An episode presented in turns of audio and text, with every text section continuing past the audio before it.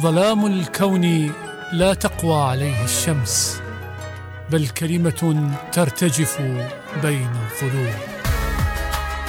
مجاز حين تستريح النفس تحت ظلال الكلمات. مجاز بستان الأدب وحديقة اللغة. مجاز مع علي محمود خضير.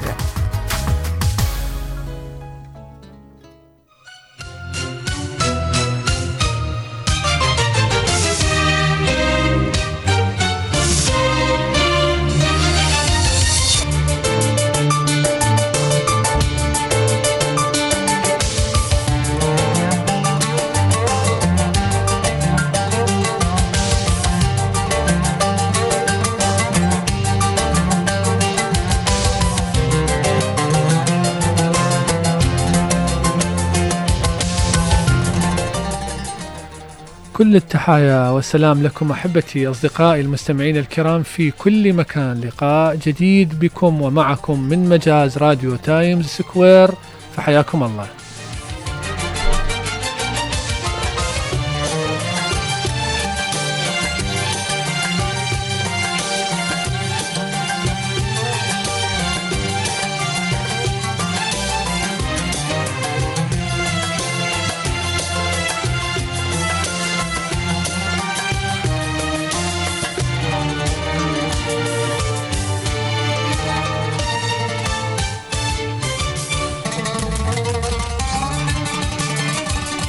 على الهواء مباشرة وعلى مدار ساعة كاملة. من الآن سنكون معا. علي محمود خضير إعدادا وتقديما.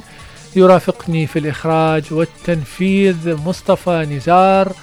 فكونوا بالقرب.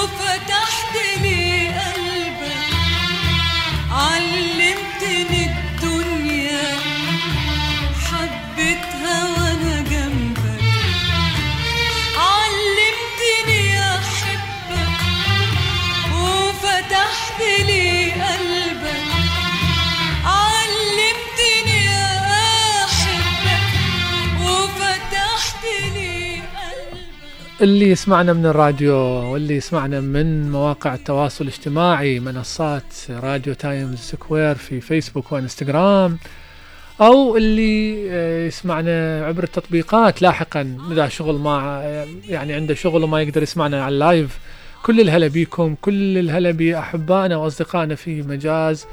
حقيقة كم الرسائل والتعليقات والدعم اللي وصلنا واللي وصلنا دائما ما يشعرنا بالفخر والاعتزاز والقوة على تقديم شيء جديد آه، نافع ويتواصل مع أرواحكم. هذه الأرواح الشجية والعذبة اللي تتناغم مع الجمال خاصة إحنا يعني مقبلين على أيام الخريف وأيام الشتاء وانكسار درجات الحرارة وشوية هيك شوية ال- الأرواح آه، تتخفف من عبء ثقل الصيف.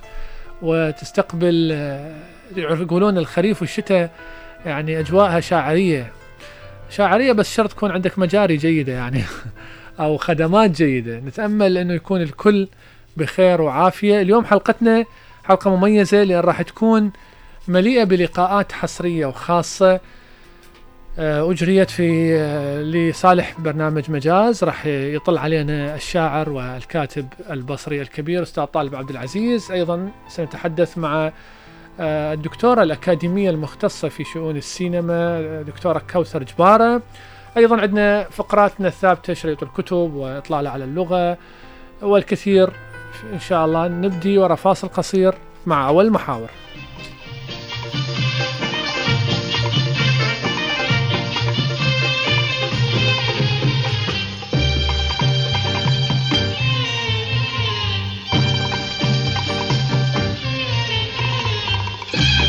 شلك علي يا زمن وش رايك أنطيتك اللي ردت منه زايد شلك علي يا زمن وش رايك أنطيتك اللي ردت منه زايد وضحيت بغل أحبابي.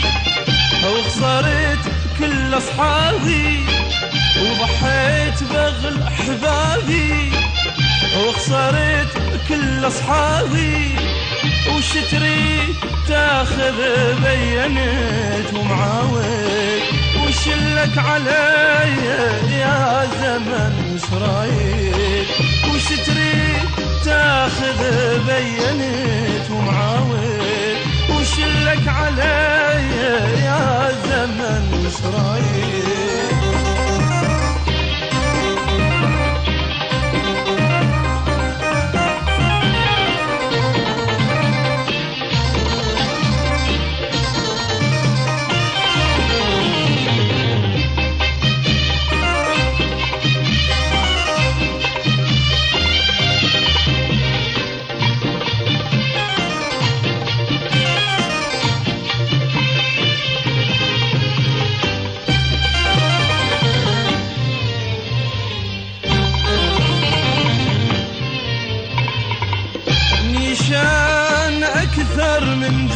جريح مو كافي قضيت عمري وياه يعني هذه الأغنية والله أكو أغاني إيش قد ما يمر عليها الوقت إيش قد ما آه، تتعمق علاقتك بيها مو بشرط أنه تكون عايش ال- التجربة بقدر ما أنت جمال الكلمات واللحن ومرور الوقت والذكريات وتستعيد بها موقف معين صديق معين كان يحبها حادثة معينة يعني آه، تخليك تح- تحن وتتعلق بالأغنية.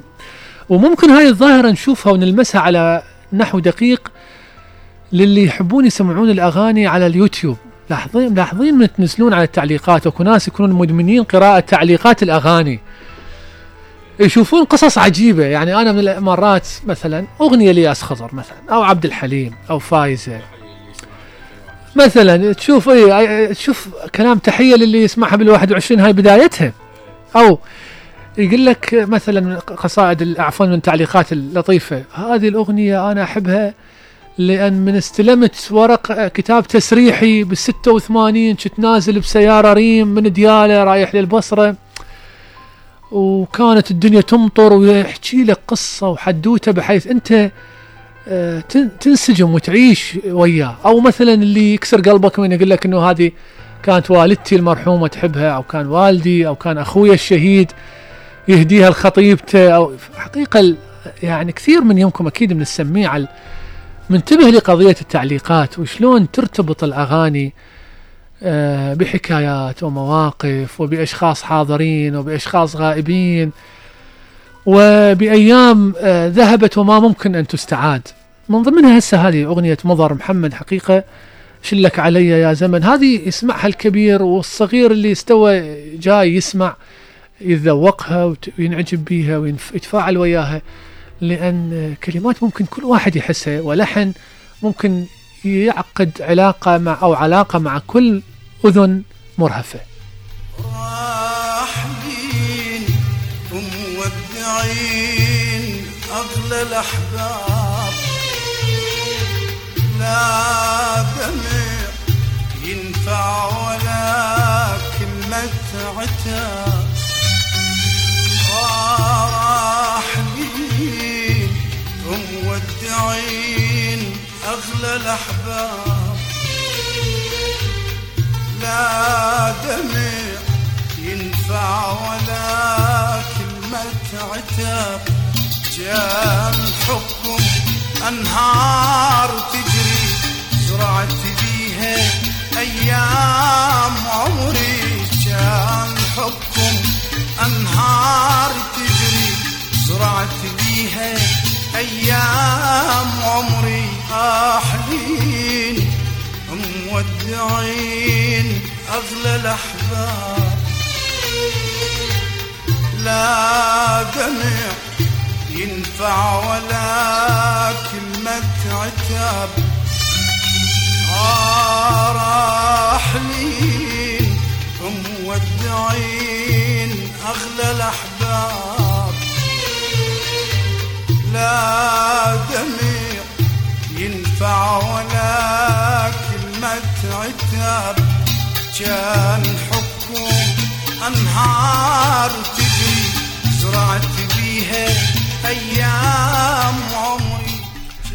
الأدب وعلاقته بالسينما. حقيقة منذ ال- الأفلام التي تم تسجيلها وتصويرها لنجيب محفوظ وتوفيق الحكيم ويوسف إدريس وإحسان عبد القدوس آه، من الخمسينات والستينات ال- ال- القرن المنصرم حقيقة كانت السينما تقتبس السينما العربية آه، المصرية بشكل خاص. والعراقية بشكل أقل. هسه بالفترة الحديثة بدأوا المغاربة ينتبهون لأهمية الاقتباس من السينما يعني الخبز الحافي مال محمد شكري جميل وغيره. آه السينما حقيقة تحتاج أو ركن من أركان صناعتها المهمة هي الورق أو النص السيناريو الحكاية القصة الحدوتة. بالتالي أنت لما آه تكون عندك أدب جيد أدب يعالج موضوعات الواقع و آه، يقدم يقدمه بدون رتوش ويثير القضايا الكبرى أنت أمام كنز حقيقة آه، يحتاج إلى من يستثمره. إحنا نشوف دائما رغم أنه حقيقة تبقى دائما صناعة السينما العراقية على استحياء مقارنة باللي يحدث في محيطنا الإقليمي والعربي السينما التركية الإيرانية حقيقة السينما الخليجية حتى قطعت شوط كبير في هذا المضمار وعندها مهرجاناتها الخاصة العراق ما زال يحاول رغم ظروفه الصعبة وإحنا ما نريد نكرر هاي القوانة مال الظروف الصعبة الظروف الصعبة. نعم هناك دول مرت بظروف صعبة يعني أكثر من اليابان عندما قصفت بالقنبلة الذرية. المدارس وال- والفن والسينما والمؤسسات رجعت بعد أسبوع من ال... فمو مو عذر هذا. اللي بس تبقى طبعا قيمة الصناعة وقيمة الم- ال- آه، وخاصة دخول رأس المال الخاص إلى السينما أمر مهم. موضوعة ال- الأدب وعلاقته بالسينما أو السينما التي تقتبس من الأدب كان حديث محوري رئيس في لقاء خاص بمجاز أجراه آه، الزميل مصطفى نزار مع الدكتورة كوثر جبارة وهي آه، كاتبة مؤلفة في مجال السينما. وأكاديمية تعمل في جامعة دهوك ولها مقالات ودراسات في هذا الشأن منشورة في الصحف والمجلات العراقية والعربية. سألنا دكتورة كوثر عن مجمل يعني مجمل أسئلة من ضمنها آه، رأيها بمسألة آه، الاقتباس من السينما. يعني هل السينما العراقية لماذا لا تقتبس السينما العراقية من الأدب العراقي وإحنا عندنا كبار الكتاب في السرد فؤاد التكرلي ومهدي عيسى الصقر محمد خضير وغيرهم. هذا سؤال وأيضا سألناه على مسألة ال ال الكتاب بشكل عام وعلاقة ال- التأثير الميديا الحديثة وتأثير الكتاب الإلكتروني على سوق الكتاب. نسمع اللقاء بين مصطفى والدكتورة كوثر ونرجع في مجاز خليكم ويانا. إذا حبينا نحكي بموضوع السينما والأدب راح نرجع بالتاريخ إلى بدايات 1907 أو 1909 آه، ب- بالوقت اللي احتاجت السينما إلى موضوعات حتى تستمر بالحياة وحتى ترجع الصالات السينمائية في العالم إلى آه، نشاطها وترجع بها الأفلام آه، فلجأت إلى آه، حقل ثاني حقل خصب اللي هو حقل الأدب وخاصة الرواية وبدأت التعاقدات بين رجال الأدب والمؤلفين آه، اللي بدأوا يزو- يزودون القاعات والمنتجي الأفلام بالقصص حتى تستمر الأفلام. آه، فهذه العلاقة ظلت علاقة وطيدة ابتداء من اس- اقتباس القصص والروايات إلى السينما وأيضا التأثر والتأثير بين الأدب والسينما من خلال تقنيات الكتابة تق- التقنيات السينمائية اللي وظفت في كتابة الرواية والتقنيات الروائية اللي وظفت في صناعة السينما. فظلت هذه العلاقة متشابكة بين الاثنين ما تقدر تفصلها. آه، مع كل أجناس الأدب. يعني السينما استمدت من المسرح استمدت من الشعر استمدت من الرواية استمدت من القصة وأيضا القصة استمدت من تقنيات الأفلام وتقنيات صناعة الأفلام في النص الأدبي. إحنا ما نقدر نقول أصلا إنه لا يوجد اقتباس في السينما العراقي، الاقتباس موجود لكن موجود بقلة، موجود بقلة ليش؟ لأنه أصلا السينما العراقية عندنا لا تقارن بالسينما المصرية، السينما المصرية هي موجودة من من يعني أعتقد وجود السينما بمصر اجى بعد الأخوين لومير بسنوات قليلة مو بفرق زمني شاسع، لذلك آه، هم كانوا أسياد هذه الصناعة، فالقضية نقدر نجيها من منطلقين، المنطلق الأول إنه السينما هي صناعة، والصناعة تحتاج إلى رأس مال، رأس المال متوفر في مصر لكن ما متوفر عندنا بالعراق، رأس المال مو أقصد كقطاع حكومي لا وإنما حتى شركات الإنتاج اللي موجودة آه، في مصر أكثر لأنه هي كانت الرائدة بصناعة السينما أكثر من منها في العراق. آه، في العراق هذه قضية، إضافة إلى القضية الأخرى قضية إنه آه، شنو نوعية الأدب اللي يختار للسينما؟ هناك نوعية من الروايات هي أقرب للصياغة السينمائية سواء بتقنية الكتابة أو بطريقة السرد. آه، لا متوفر عندنا لكن اللغة أيضا تلعب دور. مثلا الرواية التي لا تهتم بالحدث بقدر ما تهتم باللغة الشعرية هذه غير صالحة للإنتاج السينمائي. وهذه إحنا أعتقد عندنا بالعراق. ما أقول لك متغلبة لكن عندنا نموذج كلش بارز من الروايات المهتمة أو اللي مركزة على قضية اللغة الشعرية أو شاعرية اللغة في الرواية. آه، إضافة إلى السبب اللي برأيي هو الأبرز هو مسألة آه، عدم وجود صناعة سينما في العراق حقيقية الآن إحنا نحكي بالسينما العراقية لكن آه، ما نقدر إنه نقول عندنا سينما عراقية حقيقية مثل السينما العراق السورية آه، عفوا المصرية. ولا حتى الس- السينما السورية حاليا صايرة ب- نقدر نقول في موضوع الاقتباس حسب الإحصاءات اللي أنا سويتها من ضمن الموسوعات والمصادر النقدية. السينما السورية تجي ثاني مرح ثاني درجة بعد السينما المصرية في عدد الأعمال المقتبسة. الآن المغرب العربي دول المغرب العربي بصورة عامة بدأت تتجه هذا الاتجاه مو فقط بالرواية بالرواية بالقصة حتى في أدب السجون والمذكرات حتى في السيرة الذاتية الخبز الحافي اللي محمد شكري آه، اقتبست إلى السينما آه، درب مولاي الشريف اللي هي آه، أدب سجون يوميات شخص كان مسجون لأحد الأشخاص. أعتذر نسيت اسمه.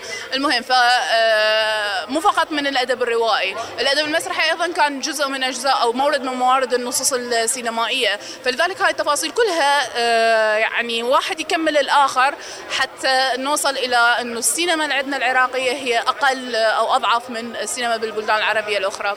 شكرا لدكتورة كوثر جبارة وكان هذا لقاء خاص. على هامش من معرض أقام أو التقاها مصطفى نزار لصالح برنامج مجاز. آه، نشكر كل اللي نحيي أيضا اللي يسمعونا آه، واللي يتابعونا عبر منصة راديو تايم سكوير الآن على البث المباشر في فيسبوك.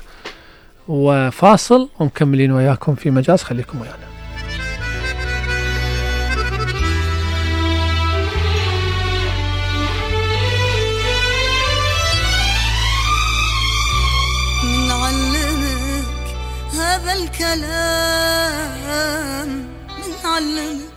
هذه الأسية نكلمك تعود تنام وتفتح عيونك عليا نعلمك نعلمك هذا الكلام.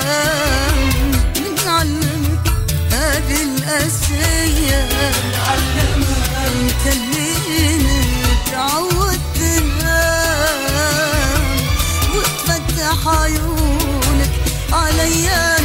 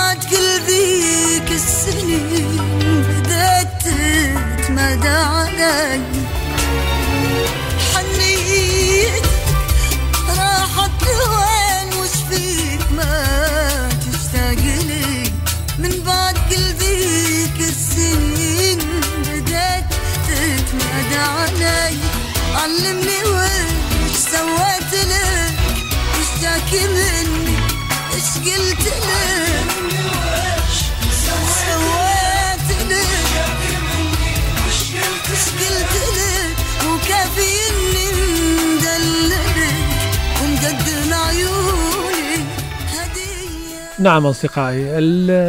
دائما هناك شكوى من أنه ال- الكتاب آه، مرتفع ثمنه من قبل المتلقي يعني من قبل آه، المستهلك. وهاي هاي المسألة آه، تشكل نوع من الجدل بين ال- ال- المستهلك مقتني الكتاب وبين أبو المكتبة اللي يبيع. خاصة لأن أبو المكتبة الناس عادة ما تحس بصعوبات عمله. خليني بهاي المناسبة أحكي عن هاي النقطة لأن نقطة مهمة وما حكي بها الإعلام سابقا. هذه الفئة حقيقة فئة أصحاب المكتبات. مو ما أقصد أنا دور النشر. دار النشر دائما يكون رجل أعمال غالبا عنده فلوس. حتى إذا توقف العمل فترة من الزمان توقفت المعارض في كورونا المعارض العربية أقصد حتى إذا مثلا صار إغلاق بسبب الوباء أو, أو يقدر عنده من الخزين أو المدخرات اللي يخليه يتحمل آه الأزمة. لكن دوري أصحاب المكتبات اللي هو عادة يا إما يكون خريج ما لقى وظيفة يا إما تكون بنية ما ما سمحت لها الظروف أن تتعين في مكان أو ظروفها الاجتماعية فتفتح لها بيج على ال ال الإنترنت وتبدي تتعامل ببيع الكتاب بعملية التوصيل وغيره هذول يتأثرون حقيقة ولهم لهم متاعبهم. يعني شلون متاعبهم؟ اللي ما يعرف المستهلك إنه الكتاب هسه أنا إذا عندي كاميرا تشوف هذا الكتاب. الكتاب أكو كتاب أصلي وأكو كتاب مزور. الكتاب الأصلي تشوف الغلاف مالته نوعيته الورق السيليفون اللي ين- ينضرب على ال- الكفر. خاص إلى خامة معينة. الورق أيضا بخامة معينة بقياسات يعني بلون وبوزن وزن حتى الورق بوزن وأبعاد مع... هذا تشوفه يتحمل أكثر عوامل الجو والمناخ. الغلاف أيضا يتحمل أكثر يتحمل الحرارة يتحمل البرد يتحمل الرطوبة. هذا الكتاب الأصلي اللي صادر عن دار نشر مهما كانت دار النشر ينباع بسعر معين. إذا كان أكو كتاب جيد عليه إقبال شو يصير به؟ هذا راح ينضرب. شنو يعني ينضرب؟ يتزور. أكو بعض المطابع الأهلية الخاصة التي حقيقة تعمل بالسوق السوداء تأخذ الكتاب اللي عليه سحب وتستنسخه. بكواليتي تعبان ورق تعبان الكفر تعبان أيضا هذا الصمغ مال الكعب طبعا ال- القراء الحقيقيين يعني يعرفون ويفهمون أهمية هذا الشيء. هذا الكعب مال الكتاب نوعية الصمغ. إذا مو نوعية أصلية الكتاب خلال شهر يطق عندك يطق يخلع. وهاي كارثة. يعني لازم تشتري نسخة جديدة. أو تروح تجي تجلده أو تخيطه وبالتالي شكله يخرب. فطبعا الكتاب إذا أصلي بسعره 10000 المزور بيش؟ 2000 3000 دينار. هذا شو يسوي هذا لل- لل- للصناعة؟ يدمرها تماما. لأن أجي أنا مستهلك اللي ما يهمني. يقول لك أنا أريد أقرأ الرواية. أجي أقتني الكتاب أو 3000 من بيج لا دافع إيجار ولا عندها بنزين ولا مولدة ولا إنترنت ولا كذا. فبالتالي يأثر على ذولي خطية اللي يشتغلون بالأصلي. يشتغلون واللي يردون يحافظون على حقوق الناشر وحقوق المؤلف لأن المؤلف أكثر المتضررين من هذا الشيء. أكو كتاب يأخذون فلوس على الطبعات. يعني أنا مثلا سين من الكتاب المشهورين. متعاقد مع دار نشر الألف نسخة إلى حقوق بها كذا. خلينا نقول فد خلينا نقول ألف دولار. رقم هيك من يمي ترى. من يصير طبعة ثانية يطو ألف ثانية. من يصير طبعة ثالثة يطو ألف ثالثة. زين أنت إذا جاي العينتين المزور واستنسخ له 10000 نسخة وغزا السوق كله إيش راح يصير؟ بال- راح تبقى الأصليات نايمات واللي يمشي المزور و... وبالتالي جزء كبير من القضية آه، غايب عن المتلقي عن المستهلك اللي هو عامل رئيسي في هذه المسألة.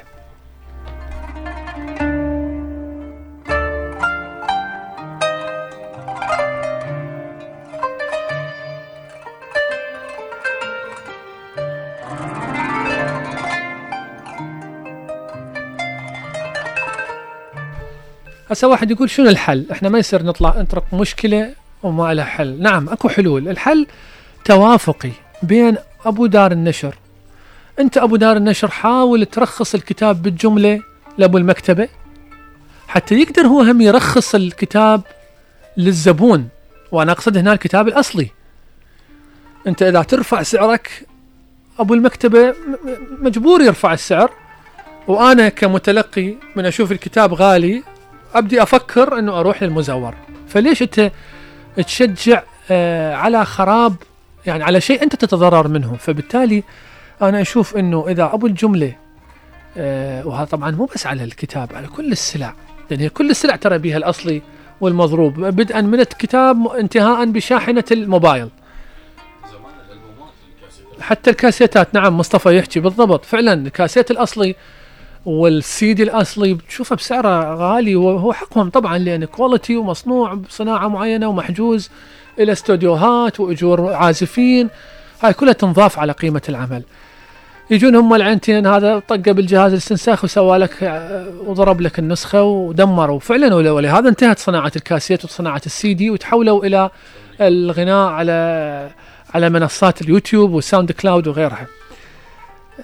فهذه هذه إشكالية حبيت أطرحها لأن دولي ما مسموع صوتهم أصحاب المكتبات. نوجه لهم التحية.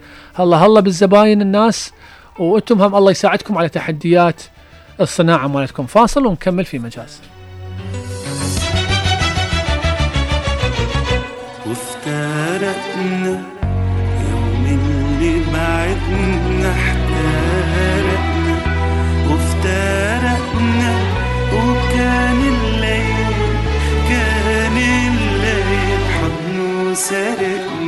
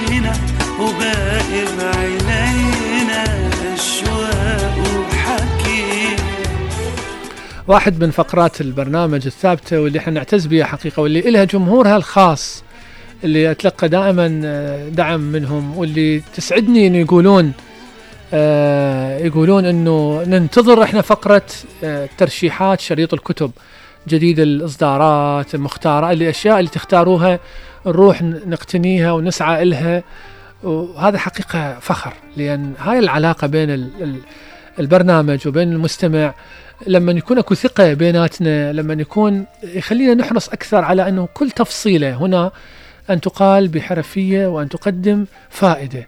فشريط الكتب آه، يعني من الفقرات الثابتة اللي نادرا يعني ماكو حلقة ما فيها ترشيحات. اليوم إحنا أيضا محضريكم ترشيحات وراح نسمعها بصوت الزميلة العزيزة لبنى الفضل. نسمع شريط الكتب آه، ونرجع في مجاز خليكم ويانا. قلعة هاول المتحركة لديانا وين جونز. وصف نيل جايمان الروائية ديان وين جونز بأنها أفضل كاتبة للأطفال في السنوات الأربعين الأخيرة. وقد كتبت هذه الرواية عام 1986 وأصبحت منذ صدورها في مصاف الأدب الكلاسيكي الذي يصلح للقراءة في أي زمان ومكان. وفازت بجائزة فينيكس عام 2006 أي بعد عشرين عاما من صدورها كما تحولت إلى فيلم شهير أخرجه المبدع هاياو ميازاكي وفاز الفيلم بجائزة مهرجان ماينيتشي الياباني عام 2004 إضافة إلى ترشيحه لجائزة الأوسكار عام 2006 تحفل الرواية بعدد من الموضوعات أبرزها المصير والتقدم في العمر والشجاعة والحب. إذ تستسلم صوفي في البداية لمصيرها في كونها كبرى أخواتها والابن البكر في نظرها يتقلد وسام الفشل. لذا لا ترى حاجة في بذل أي مجهود لتغيير هذا المصير. لكن للساحرة رأيا مختلفا. إذ تحول صوفي إلى امرأة مسنة فتضطر عندئذ إلى الخروج سعيا وراء حظها. وإن كانت تحاول العثور على دواء يعيد إليها شبابها المسلوب. أعادت صوفي ترتيب عالم هاول وعلمها في الوقت نفسه منذ أن وطأت قدمها أرض القلعة بدءا بتنظيف المكان وانتهاء بإيقاظ ما أخمده الزمن في نفس هاول ونفسها. ولم تكن صوفي بالشخصية الملحمية ولا بذات الملكات الخارقة للطبيعة التي تنسجم عالم السحرة الذي دخلته بطريق الصدفة لكنها صنعت الأعاجيب بالقليل الذي تملكه. واتضح أن قليلها كثير وكثيرا جدا. إذ عادت الحياة إلى الفزاعة وعفريت النار وهاول نفسه لم تعد الأمور إلى نصابها إلا بالحب. رقيت صوفي وتعويذتها التي منحت للعالم شكلا جديدا.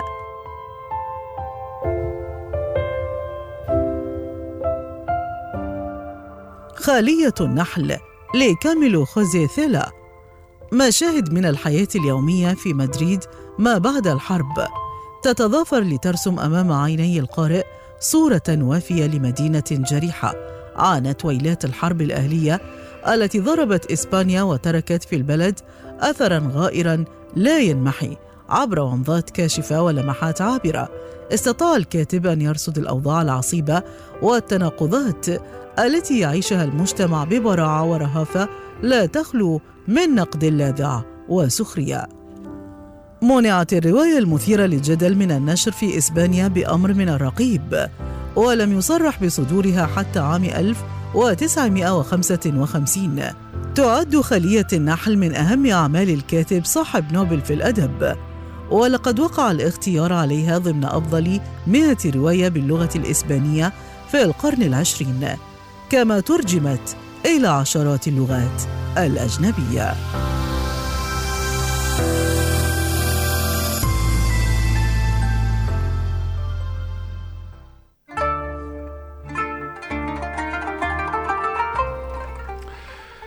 الكتاب أصدقائي يبقى الصديق اللي ما ممكن يعني خصوصيته إنه هو ممكن أن يتحول مع تحولات الوقت. بمعنى إنه إحنا في فترة من الفترات لما دخلت لنا الإنترنت قيل إنه آه، صناعة الكتاب ممكن تنتهي وتندثر. باعتبار إنه الكتاب الإلكتروني اجى شفنا هذا الشيء بالعكس. حفز القراءة الإلكترونية حفزت إنه أروح أشتري كتاب ورقي واقتني وبالعكس كسبت مجموعة كبيرة من القراء آه، آه، الذين يتعاملون مع التكنولوجيا ومع الميديا إلى ال- عالم القراءة. بعدين أيضا دخلت هسه ما يسمى بالكتاب المرئي الكتاب المسموع الكتاب اللي ممكن أن تسجله أنت ويسمعه من لا يستطيع ذول اللي أكو ناس اللي ما يقدرون يفر- يفرغون وقت أو عندهم مشاكل في سم يعني في نظرهم أو مثلا يشتغل لساعات طويلة على الحاسبة أو يطلع سايق مثلا على الطرق الخارجية ست سبع ساعات. ممكن دولي بعض من يمهم أنا توصلني رسائل يقول لك إحنا على الطريق السريع ونخلي نحمل تطبيق له علاقة بالكتب ال- ونسمع نسمع مع موسيقى معينة. فهذا هذه قيمة الكتاب إنه يتحول مع تحولات ال- العصر وقيمه أي عمل ترى بالمناسبة أي فن أي محتوى تقدمه إيش قد ما يقدر يصمد أمام الزمن ويتحول مع تحولات الوقت. آه هذه يخليه أن يعيش أكثر.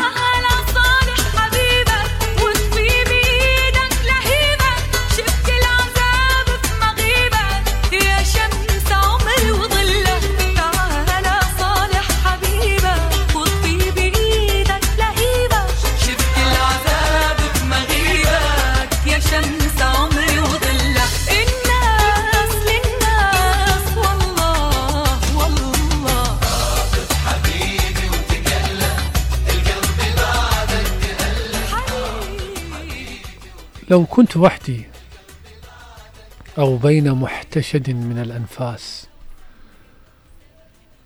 لو كنت وحدي أو بين محتشد من الأنفاس لا زلت أشعر فيك. أيها الطيف الملاك الشبح مرئيا كجرح الوقت. مرتابا كنجم من وراء الغيم نساء بعيدا دانيا ترمي وتهمي كوشم في الهواء.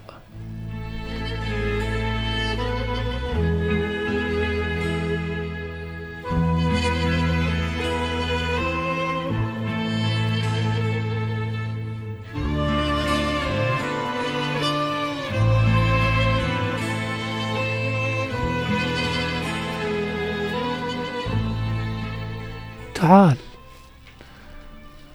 تعال لو تدري أنا لا زلت وحدي في انتظارك. لا زلت أبحث عنك في المتصفحات في الأفلام في سطر لأغنية حفظناها معا في موهن الليل أبحث. لا زلت أبحث في غلاف رواية كانت ستجمعنا. ولكن المؤلف لم يشأ. أبحث عنك حتى تنتهي الأنفاس. نسيانك صعب أكيد. ملوش غير حل وحيد. نسيانك صعب أكيد. ملوش غير حل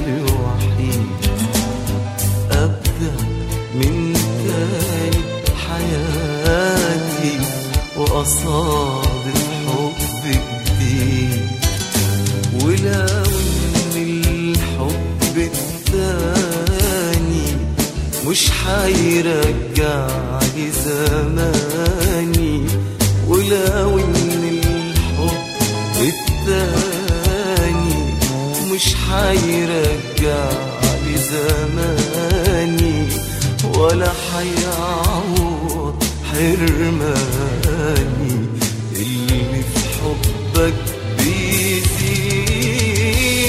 لكن طول ما انت في بالي. حياكم الله مستمرين معاكم في برنامج مجاز من راديو تايمز سكوير علي محمود ومصطفى نزار. دائما الحديث عن الشعر حديث آه، يجيب الشجن والذكريات الجميلة لأن الحب أجمل طاقة ربما في الحياة.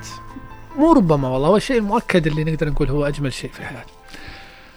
وفي ذكر الحب هناك كتاب لشاعر البصرة طالب عبد العزيز صدر مؤخرا عن دار الرافدين. الكتاب يعنى في الحب يعني مكرس تماما لنصوص في العاطفة نصوص عاطفية كتبها طالب عبد العزيز. وما أعرف إذا كانت تبين بالكاميرا للي يشوف البرنامج عبر آه، ال- النصوص تعتمد السطر الطويل.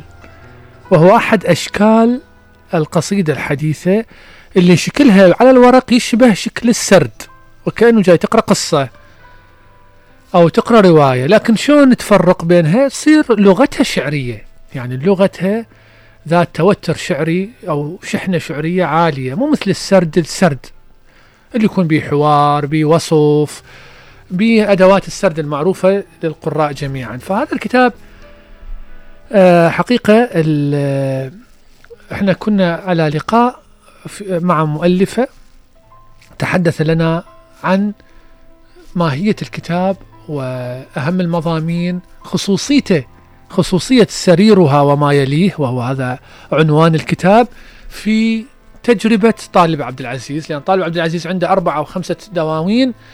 حقيقة آه، تختلف في مضامينها خاصة الكتابين الأخيرين إلى اللي هو كتاب أبو الخصيب وكتاب آه، سريرها وما يليه. التجأ إلى هذا الشكل شكل القصيدة يسمى بالسطر الفرنسي أو شكل الكتلة أو القصيدة النثر. الفرنسية. هو شائعة في آه، في فرنسا. أول مرة كانت آه، آه، بودلير ورامبو وكتاب كاسبار الليل هو كان أول كاسبار الليل هو أول كتاب حاول أن يحول القصيدة إلى هذا الشكل. نسمع طالب عبد العزيز في لقاء خاص بمجاز يتحدث عن هذا الكتاب. أنا أردت في هذا الكتاب أن أنسج نسجا جديدا. حاولت فيه أن آه، أن أجمع صورة مرئية للصفحة لصفحة الكتاب أولا ومن ثم لكي آه، أجعل من موضوع الشعر موضوعا هو الأقرب إلى السرد. وهذه التجربة الثانية لي في هذا الصدد. آه، وجدت أن أن ال- ال- السطر المكتوب السطر التقليدي الذي دأبنا على قراءته في كتب الشعر قد أصبح يعني يعتبره شيء من الملل. آه، أردت أن بصراحة أردت أن أخدع بصر القارئ باتجاه آخر أو, آخر أو أن أنحرف معه إلى جهة تبدو جديدة. آه، لأنني أعتقد أنها أنه أنها سيحبها أنه سيحبها. آه، هي محاولة محاولة صورية وقرائية أيضا. آه، هذا فضلا فضلا عن مو- موضوع القصائد قصائد الكتاب التي آه، يعني انحصرت بين دفتي المرأة والعشق والليل وهذا العالم عالم المخمل عالم المرأة. أردت أن أقدم للقارئ كتابا يخفف إن قرأه فيه عن نفسه عن ضغوطات الحياة. أردت أن أذهب به بعيدا عما يعتمل في السياسة والاقتصاد والأمن وهموم الحياة الأخرى. أن أمنحه فرصة لالتقاط أنفاس افتقدها في كتب أخرى. أنا أعتقد أن لغة الكاتب ولغة الشاعر ترافقه منذ الكتاب الأول وحتى مدفنه.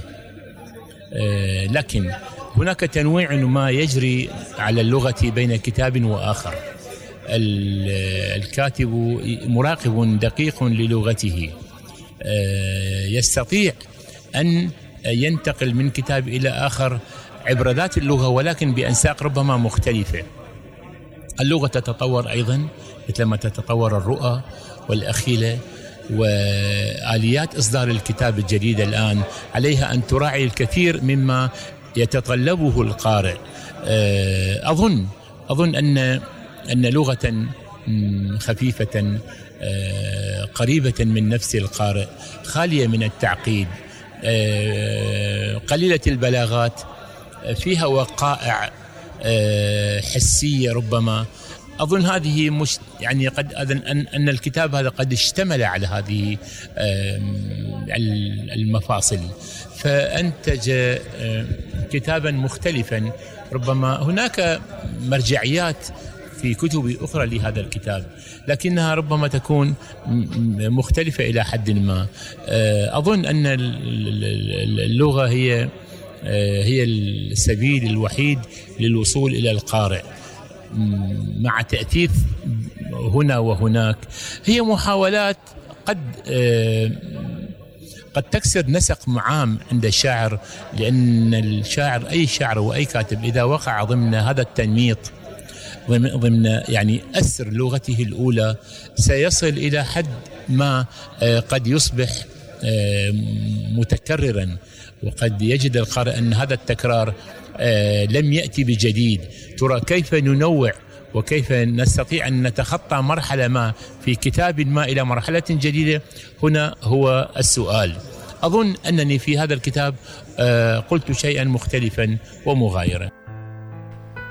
شكرا جزيلا لأستاذ طالب عبد العزيز على ما تفضل به من آه، كلام ولقاء خاص عن كتابة سريرها وما يليه.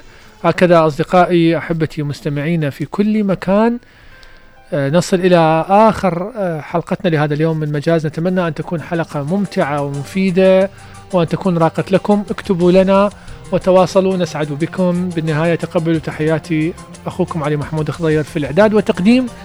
هذه تحيات الزميل المخرج مصطفى نزار في الإخراج والتنفيذ. حتى نلتقي لقاء قريب قادم. أطيب الأوقات مع باقي برامج الإذاعة. كونوا في رعاية الله وحفظه.